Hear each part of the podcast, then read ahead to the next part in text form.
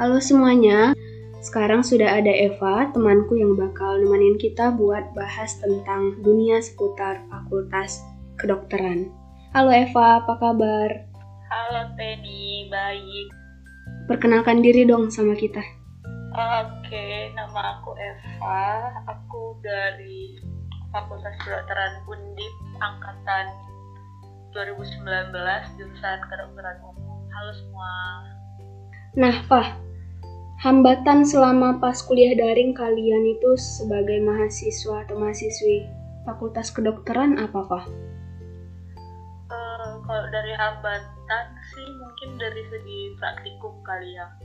Hmm. Jadi kayak misalnya yang kita biasanya praktikum itu kita nyentuh atau kita yang ngelakuin ya kali ini kita cuma bisa lihat videonya doang sama langsung jadi kayak kita cuma lihat video yang dibuat oleh dosennya terus kita dikasih langsung hasil akhirnya terus kita langsung kerjain. Jadi kayak ya kita cuma bisa ngeliat hasilnya doang gitu yang biasanya selama ini kita langsung uh, bisa kita reaksiin apa pegang lihat gitu. Jadi itu sih yang susahnya. Terus itu dari sisi praktikum. Kalau dari sisi kan ada tuh materi kayak keterampilan klinis. Nah biasanya keterampilan klinis itu kita ada kuliah narasumbernya itu kuliah narasumber itu dijelasin kan.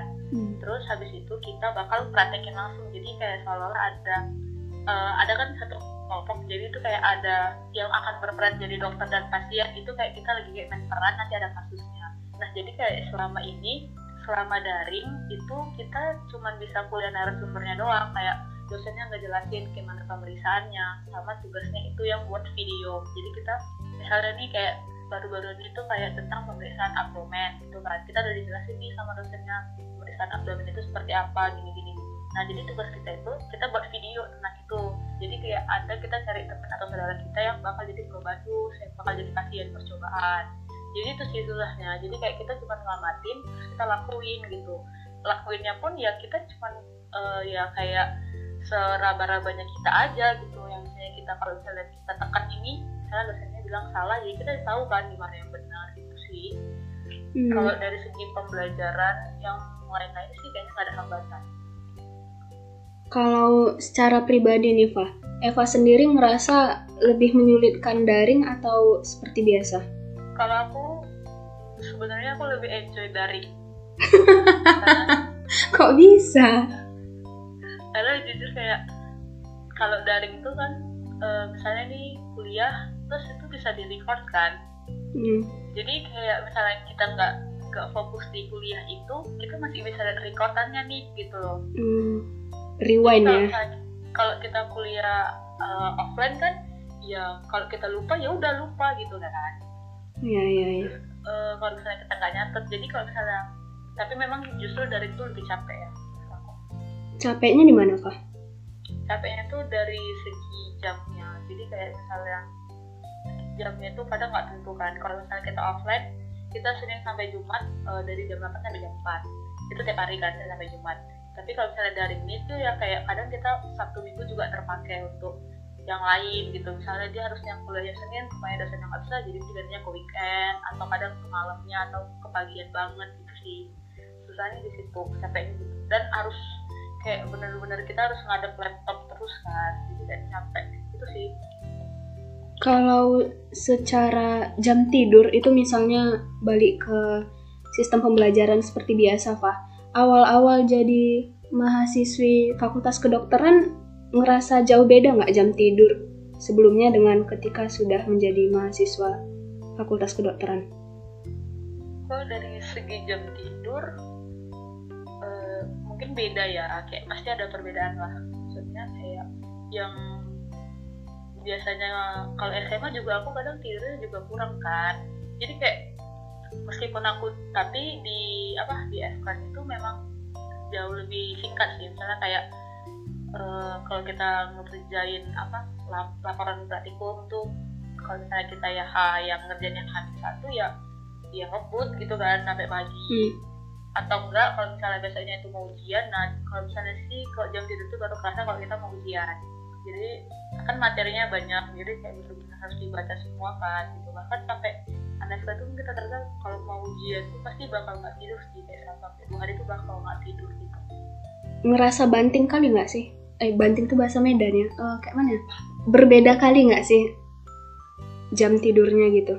Atau masih standar aja karena udah kebiasaan kurang tidur dari SMA kalau aku mungkin pribadi gara-gara aku udah biasa kurang maksudnya kurang tuh kayak uh, menurut aku biasanya aku itu dari SMA tuh ya 4 sampai 4 5 atau 6 jam gitu kan. Ya jadi sama aku kuliah juga aku udah biasa seperti itu gitu. Jadi kayak nggak terlalu nggak terlalu beda kali ya? Iya nggak terlalu beda cuman pas kena bedanya itu waktu kita mau ujian. Hmm, iya, iya. Hmm. Kalau soal belajar dari pribadi Eva sendiri um, lebih memilih begadang atau mending cepat tidur tapi besoknya bangun jam subuh atau jam 3 pagi gitu? Aku pribadi mending aku begadang. Karena kalau aku tidur, aku pasti bablas. Begitu. Jadi, uh, tapi aku pernah misalnya kayak, uh, misalnya nih, aku belajar, terus kayak aku udah gak kuat, aku ngeset nih alarm banyak banget tapi tetap aja gitu loh nggak kebangun cuman ujung-ujungnya berikutnya pasrah gitu jadi kayak mending aku belajar begadang daripada aku tidur terus bablas Oke, dulu Fah masuk ke FK Undip via apa? Aku anak UM, jadi UM itu mandiri. Sulit nggak? Ya sebenarnya sulit masuknya itu ya sulit-sulit aja sih. Jadi kayak, ya siapa sih yang nggak sulit masuk PTN gitu loh. Jadi yeah. menurut aku ya sama aja gitu sama kayak soal SDM biasa tapi mungkin jalurnya aja yang berbeda gitu.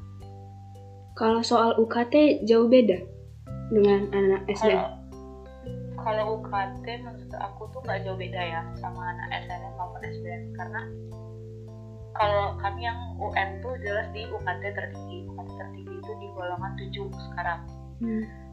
Terus aku juga lihat kayak beberapa temanku yang anak SNM uh, eh, mereka juga hampir sama kok di UPT 6 rata-rata di UPT 67 di jadi kayak menurut aku nggak terlalu beda sih. Tapi tetap ada juga sih bakal yang ada bidik sama yang dapat UPT golongan satu juga ada. Oke. Okay. kalau selama daring ini Pak dapat subsidi nggak dari Undip sendiri? Subsidi dapat tuh kayaknya dapatnya itu kalau udah dapat sekali nggak dapat lagi deh soalnya. Jadi waktu itu aku juga baru tahu ya dapat subsidi kuota tuh kayaknya 10 giga. Tapi aku baru daftar tuh di bulan 5 kan aku baru daftarkan nomorku di bulan 5 otomatis aku dapat subsidinya tuh untuk ke bulan 6 gitu. Hmm. jadi kalau mungkin aku udah dapat di bulan 6 aku nggak dapat lagi. Itu untuk anak yang seluruhan ya tapi kalau ke terkhusus kayak mungkin anak bidik misi atau apa aku nggak tahu terus dari segi itu dari segi kota uh, ditambah waktu itu aku tahu ada subsidi kayaknya ada subsidi sembako untuk anak-anak yang nggak pulang gitu loh. Anak-anak yang tetap stay di Tembalang yang nggak pulang gara-gara covid. Jadi di fakultas itu bakal dia udah ngelis nama siapa aja yang nggak pulang terus bakal list bagiin sembako. Berarti anak mandiri juga kena kah? Maksudku dapat subsidi ya yang kuota tadi? Iya dapat semuanya dapat dulu tuh setahu aku sempat nggak dapat kan. Jadi kayak dulu tuh ada subsidi lima puluh ribu kalau nggak salah itu untuk anak bidik misi.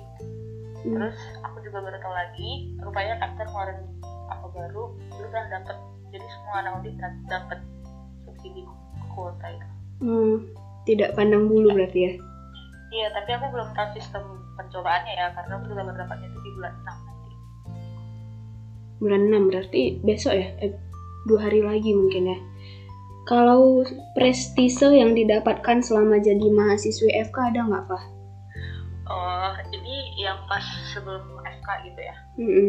uh, dulu sih kayak sebenarnya aku tuh ini kan namanya uh, mau FK tuh udah aku lulusan anak 2018 jadi aku mau F aku sebenarnya tuh mau pengen itu awalnya tuh farmasi dulu aku suka kimia kan mm -hmm tapi mama mamaku tuh pengen ada yang dokter. Jadi ya udah aku coba. Jadi waktu aku lulus di 2018 itu aku ngambil FK sama farmasi. Uh, semuanya aku coba kan kayak dari apa SNM, SBM, Mandiri itu bener-bener gak ada yang jebol kan. Terus uh, aku dapat statement nih dari orang ya kan. Dia bilang kayak dia nanya dulu nih aku lulus di mana waktu itu? Terus aku bilang belum ada lulus ya kan? Terus itu uh, dia bilang lagi kayak ya udah kalau misalnya memang nggak mampu dokter kenapa harus ngambil dokter? Pokoknya itulah secara kampusnya. Terus kayak ya udah kayak pertama masih di situ waktu itu kayak ya udah aku pikir kayak ya udahlah gitu. Tapi lama-lama kayak ya bakal jadi motivasi aku sendiri kan. Jadi 2019 ya udah aku coba. Nah uniknya lagi tuh kayak di 2019 itu aku nyoba aku memang mau ngambil dokter lagi tapi aku tuh nyobanya itu nggak ada masuk undip itu nggak ada rilisnya aku gitu loh. Jadi kayak aku bakal nyoba kayak Jambi pokoknya di Jambi di, Jambi. Sampai bahkan aku tuh jauh ke Sulawesi itu aku tembak waktu aku SPM SPM tuh 2019 dua pilihan ya hmm, dua ya? waktu itu dia dua. Mm-hmm. kan pakai nilai UTBK kan. Dua iya. aku ambil pertama itu di Jambi sama yang kedua aku lupa. Itu tapi di daerah Kalimantan atau Sulawesi aku lupa. Aku tembak tuh dua-dua terus supaya nggak dapat kan. Terus aku coba mandiri mandirinya itu yang pakai nilai UTBK juga. Mau nyoba UNS aku ambil waktu itu ada beberapa pokoknya ada tiga atau empat gitu kan. Tapi tapi di sini Undip udah masuk list aku nih yang ke lima pokoknya kan ada lima PTN mandiri tapi Undip udah ada di sini nih. Tapi waktu itu di Undip itu aku daftar di hari terakhir pendaftaran. Jadi itu udah balas minute kayak pagi aku daftar ngisi semua formulirnya sorenya aku bayar gitu kan. Nah untuk empat PTN lagi tuh kan masih kayak ah bentar lagi ah bentar lagi bentar lagi bentar lagi gitu kan. Jadi kayak bener-bener aku sampai lupa gitu. terus kayak jadinya PTN itu nggak terdaftar kayak bener-bener aku cuma nyoba undip gitu. Ya udah hari aku ujian ya udah ujian terus pengumuman. Jadi kayak terus pas aku udah dapet aku kayak niat lagi gitu kayak kayaknya aku dulu pernah deh ditekan orang sama yang bilang kayak aku nggak mungkin masuk FK tapi ternyata aku bisa gitu. Dan juga ya tetap bakal dibantu sama teman-teman aku gitu kayak didoain disemangati pernah nggak sih pengen berhenti percaya sama diri sendiri kalau dibilang pengen ya pengen ya. Apalagi kayak maksudnya kayak tetap sempat terbesit gitu loh. Jadi kayak kayaknya memang bener aku nggak bisa deh gitu kayak gitu kan. Jadi makanya waktu itu aku 2018 lulus di satu universitas di Medan. Jadi aku ambil tuh tapi benar-benar itu yang melenceng sama kedokteran itu sampai keguruan. Sampai benar-benar di 2019 itu pas mau ujian kayak aku kayak udah bener-bener gak, gak ini lagi kan kayak kayak ya udahlah ini aja gitu loh. Kayak bener-bener SMA tuh kayak udah jauh sama aku. Jadi kayak ya udahlah ini juga bagus kok kayak gini. Ini juga masa depan kayak gini gini gini. Kayak aku mencoba mempositifkan apa yang di depan aku. Terus tapi terus habis itu aku diingetin lagi sama orang-orang sekitar aku. Terus itu ya udah aku semangat lagi aku nyoba lagi. Dia sih kayak karena ada orang-orang di sekitar aku yang mendukung jadi itu yang bisa buat aku uh, ingat lagi kayak tujuan aku tuh sebenarnya apa cita-cita aku tuh apa ada nggak sih satu hal atau beberapa hal yang ngebuatmu tetap percaya sama mimpimu padahal semua terlihat seperti mustahil? Kalau aku sih yang buat aku percaya kayak kayak ya semua bakal jadi gitu loh kayak semua bakal rencana itu pasti kayak mana ya kayak semua bakal indah pada waktunya gitu loh kayak kita nikmatin prosesnya aja dulu. Jadi kalau misalnya setiap kali aku down gitu kayak yo mungkin ini bagian dari prosesnya aku gitu. Jadi kayak setiap kali aku itu aku ingat kayak kayaknya ini uh, bakal jadi tantangan aku gitu. Jadi setiap kali setiap kali aku ngerasa itu udah jauh banget ya aku ingat lagi kayak uh, masuk ke situ juga pasti bakal banyak banyak hambatan gitu. Jadi ya tetap percaya aja gitu kalau misalnya semua itu pasti bakal indah ada waktunya jadi kayak prosesnya itu dinikmati aja berarti kurang lebihnya Eva percaya bahwa proses yang terjadi saat itu mendewasakan Eva nggak sih? Iya. Hmm. Pokoknya tuh setiap kali apa yang terjadi itu pasti itu ada efeknya sendiri untuk kita pribadi. Tergantung gimana cara kita menanggapi situasi tersebut. Kalau misalnya kita berbicara tentang materi, Pak, materi di mata kuliah deh, mata kuliah di FK dengan biologi waktu SMA itu seberapa jauh sih bedanya? Uh, nggak jauh-jauh banget sih. Eh tapi jauh juga sih. Kayak kayak kita dulu SMA tuh ada belajar kayak siklus Krebs gitu gitu kan. Ya di SMA juga dipelajari eh di kuliah juga dipelajarin tapi ya lebih dalam. Kayak misalnya kita dulu siklus Krebsnya tuh hanya hanya sebatas ini jadi ini ini ini, ini siklusnya yang meningkat itu kan. Nah kalau misalnya di kuliah itu dibahas lagi kayak ini ke sini tuh enzimnya apa gimana perannya gimana ininya gitu. Jadi kayak menurut aku kalau uh, di kuliah itu dia nggak beda tapi ini di dalamnya gitu loh. Jadi kayak di SMA itu kulitnya yang di kuliah itu lebih dalamnya lagi. Nggak beda-beda. Lebih detail berarti ya? Iya gitu. Pernah nggak sih ngerasa depresi karena saking beratnya bobot dari materi itu sendiri kalau depresi depresi depresinya aku belum pernah ya. Cuman kayak sampai di titik yang kayak udah benar-benar muak itu aku pernah gitu loh. Karena kan itu materinya banyak juga kan kayak slide PPT-nya juga banyak. Terus sebenarnya yang buat yang buat kita ngerasa depresi itu tuh kalau aku pribadi tuh uh, homesikanku gitu loh. Jadi setiap kali misalnya aku belajar terus tiba-tiba aku teringat nih sama orang sama papaku kan. Nah itu pasti homesick kan. Jadi kayak tapi jadinya aku melampiasin ke belajarku gitu kalau dari secara materi yang mendetail tuh kalau sulit tuh memang sulit. Tapi kalau misalnya kita bisa ikuti dari di awal itu bisa gitu loh. Jadi kayak kita kita tahu dari awal gimana seperti ini bisa. Tapi pada saat misalnya aku nih udah tahu nih dan terus tiba-tiba aku ada homesick itu tuh aku yang nggak bisa cara cara ngatasinya gitu loh. Jadi kayak ah yaudahlah ntar aja belajarnya jadinya kayak gitu kan kita sama-sama anak rantau lah ya Pak dari SMA. Nah, oh iya ya. dilupai Pak. Kan dari dulu udah jadi anak rantau waktu SMA kan, walaupun kita datang dari daerah yang berbeda. Nah, sekarang Eva kan udah merantau lagi. Apa sih yang membedakan merantau versi anak SMA saat itu dengan merantau sekarang?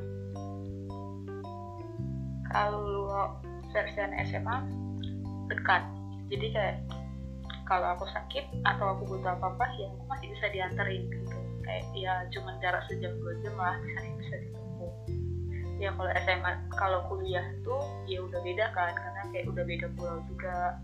Jadi yang membuat aku ngerasa benar-benar konflik itu kalau misalnya pas aku buka pintu kamar aku tuh kamar kosan aku kayak aku ngebayangin kayak oh ternyata aku sejauh ini ya sama kalau misalnya aku buka pintu kamar terus rupanya kayak kayak banyak penghalang gitu loh kayak gimana sih? Kayak yang biasanya kalau waktu SMA tuh ya masih bisa ditempuh aja naik angkot atau naik apa gitu kan. Terus ini kalau misalnya aku ngebayangin pas buka kamar terus ngebayangin mama aku nggak ada di situ terus kayak harus beli harus ngeluarin biaya yang besar yeah, untuk yeah. pulang. Nah itu sih yang beda kayak homesicknya gitu. Kayak bahkan waktu itu aku pernah sakit waktu itu aku pernah sakit uh, terus aku telepon sama aku aku nangis di situ uh, dan ya kak aku tuh tipe anak yang kalau misalnya sakit tuh nangis. Jadi setiap kali aku lihat dokter di Medan aku sakit aku bakal dijemput gitu kan. Hmm. bahkan pas aku dari Semarang aku sakit aku tuh bahkan sampai ke Bali loh kayak nyusulin kakakku. Karena kayak aku benar-benar nggak bisa kalau aku sakit kayak gitu. Jadi kayak benar-benar itu sih yang membuat aku kayak kayak karena kayak udah terlalu jauh gitu Oke, kakak kan di Bali. Kenapa nggak berpikir saat itu ngambil FK di Bali aja lah? Itulah aku juga nggak tahu. Kayak kayak bener-bener nggak masuk deh. Bahkan aku udah bilang kan di 2018 aja undip nggak kepikiran. Di 2019 sama aja. Kayak kayak udah nggak mau nyoba banyak-banyak lagi. Kayak udahlah ini tuh cukup gitu. Bahkan aku bahkan kalinya aku baru nyadar oh iya aku baru aku cuma daftar undip gitu loh. Kayak kayak mau ditanya kenapa nggak daftar itu kenapa kayak aku juga nggak tahu gitu loh atau memang itu udah jalanmu nggak sih pak? Iya kayak aku dua kelas mungkin udah diatur gitu. Oke tadi kan Eva bilang kalau um, paling berat itu ketika homesick apalagi pas sakit. Jadi di sana tinggal sama siapa pak? Nggak ada saudara? Nggak ada. Kayak bener-bener sendiri ya. Wow. Saudaranya nyari teman-teman sendiri gitu. Sulit nggak sih nyari circle baru lagi sendiri di sana? kayaknya itu semua orang pasti bakal sulit nggak sih? Kalau aku pasti udah tau lah kok tipenya aku yang kayak cuek gitu loh. Kayak kalau aku nggak diomongin di luar ya aku nggak bakal ngomong gitu jadi sulit sih gitu. Tapi untungnya pas aku dapat coba sekali jadi lepas gitu. berarti Val lebih mementingkan kualitas kan daripada kuantitas pertemanan iya jadi kayak menurut aku selagi aku punya meskipun dikit tapi kayak temen ya udah aku nggak butuh yang lain gitu. Oke. Okay. tapi tetap sih kalau misalnya butuh untuk misalnya yang untuk di kayak misalnya misalnya kayak gini kalau misalnya kita masih butuh yang untuk teman ngobrol ya aku teman aku ngobrol ke siapa aja gitu. Tapi kalau untuk yang dimintain tolong ya aku minta tolong ke orang yang gak aku segan gitu iya ya kalau matematika masih ketemu pak waktu kuliah? Masih. Lebih Jadi banyak. itu nggak hmm. kayak sampai kalkulus limit segala macam ya. Fisika juga masih ketemu. Oh iya? Berarti fisika kimia biologi masih ketemu semua? Sama mm ketemu. Hmm, kalau mm mana makan orang bagi-bagi. Nggak ada sampai yang limit kayak hingga itu segala kayak semester satu tuh menurut aku aku merasa benar-benar sampai itu kayak satu kan kami tuh kuliahnya tuh modul ya. Jadi satu semester tiga modul. Jadi satu semester tiga modul kayak semester satu berarti tiga modul kan kayak satu titik satu satu titik dua satu titik tiga. Nah kedokterannya itu tuh dimulai dari modul satu titik dua. Titik dua kan. Nah dulu tuh sistemnya kami itu ujiannya itu per tiga minggu. Namanya ujian paru jadi tiga minggu modul pertama itu uh, ujian paru satu habis itu tiga minggu berikutnya ujian paru dua gitu kan. Itu di setiap modul. Kalau misalnya kita nggak lulus di modul misalnya di satu dua nih ujian hasil di modul satu titik dua aku sama ujian paru itu belum lulus gitu kan. Hmm. aku berhak ngikutin ujian akhir modul. Akhir modul itu uh, langsung kan berarti misalnya aku satu titik dua doang nih yang nggak lulus. Jadi aku aku bakal ngikutin uang yang satu titik dua kan. Kalau satu titik dua aku nggak lulus aku masih bisa ikut ujian remet gitu. Hmm. nah jadi waktu semester satu itu aku pikir gampang kan ya. Jadi kayak ah yaudahlah masih ada uang masih ada remet gini gini gitu kan. Ya udah belajar lah aku. Itu kayak terlalu menggampangkan gitu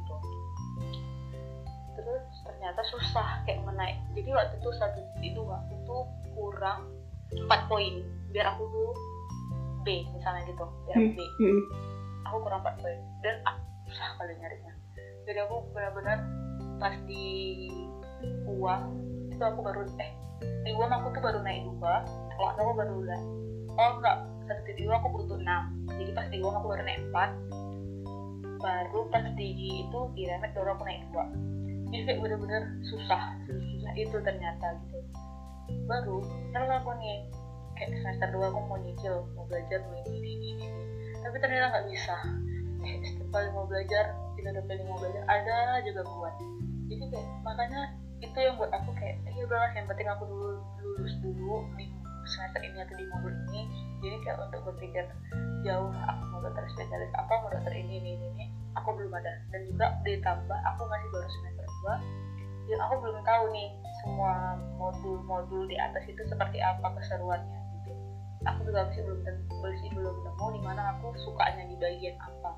Karena kan di semester satu semester dua ini masih belajar tubuh yang normal gitu kan. Yeah. yang obatnya atau apanya nanti baru di semester tiga atau semester ke atas itu kita baru belajar kayak ilmu kesehatan anak kulit gitu-gitu sampai patologisnya atau penyakitnya jadi kayak menurut aku aku masih bisa belum aku belum bisa nentuin karena aku juga belum ngalamin yang di atas itu seperti apa keseruan tapi kalau soal enjoy enjoy nggak sih kok di FK? Kalau soal enjoy ya enjoy gitu. Hmm. Maksudnya tetap enjoy sih karena kan teman-teman juga sih gitu. Kayak masih bisa diajak kerja sama gitu lah, saling membantu. Kalau beban terberat ketika sudah menjadi mahasiswa FK itu apa pak? Dosennya, bobot pelajarannya, pergaulan atau apa? Cara belajar. Cara belajar ya kalau misalnya kita belum nemu cara belajar atau strategi belajar yang pas sama pembagian waktu kita manajemen waktu kita yang pas itu susah karena materinya banyak gitu jadi apalagi kan belajar tuh dikenal sama long life learningnya kan kayak belajar sekali ayat itu susah kalau misalnya kita masih uh, masih kelabakan nyari waktu untuk belajar. Kayak aku jujur aja aku masih belum masih belum ini kan masih belum nemu strateginya gimana makanya aku masih suka kelabakan kalau mau belajar. Terakhir pesan dari Eva buat orang-orang yang sesama mahasiswa atau mahasiswi FK tapi sekarang lagi berada di fase depresi gitu kalau untuk kasih pesan gitu tuh aku bingung ya. Karena kayak aku juga masih anak semester 2 gitu loh. Kayak kayak aku belum belum nggak bisa nasihatin kating-kating aku misalnya yang yeah. Depresi bisa, bisa aja kan kalau aku bilang kayak gini gini. Gini saya aku bilang alah masih semester 2 gitu kan. Yeah, yeah. tapi uh, tapi aku mau bilang kalau misalnya untuk uh, yang teman-temanku atau yang katingku atau siapa pun yang FK pun yang bener-bener lagi ngerasa down di kuliahnya ya tetap semangat gitu loh. Kayak ingat dulu akhirmu apa nikmatin aja prosesnya. Kayak percaya aja kayak semua itu bakal baik-baik aja. Kalau misalnya kamu baik aja berarti itu bukan akhirnya. Karena menurut aku percaya kayak semua bakal indah pada waktunya gitu. Kayak Tuhan menciptakan kita masa depan yang cerah. Jadi kita kayak tinggal jalanin. Tuhan aja semua dia tetap semangat mau itu daring atau nggak daring tetap semangat Terima kasih untuk obrol singkatnya Eva, untuk semua pengalamannya, dan teman-teman yang udah ngedengerin ini sampai akhir, terima kasih.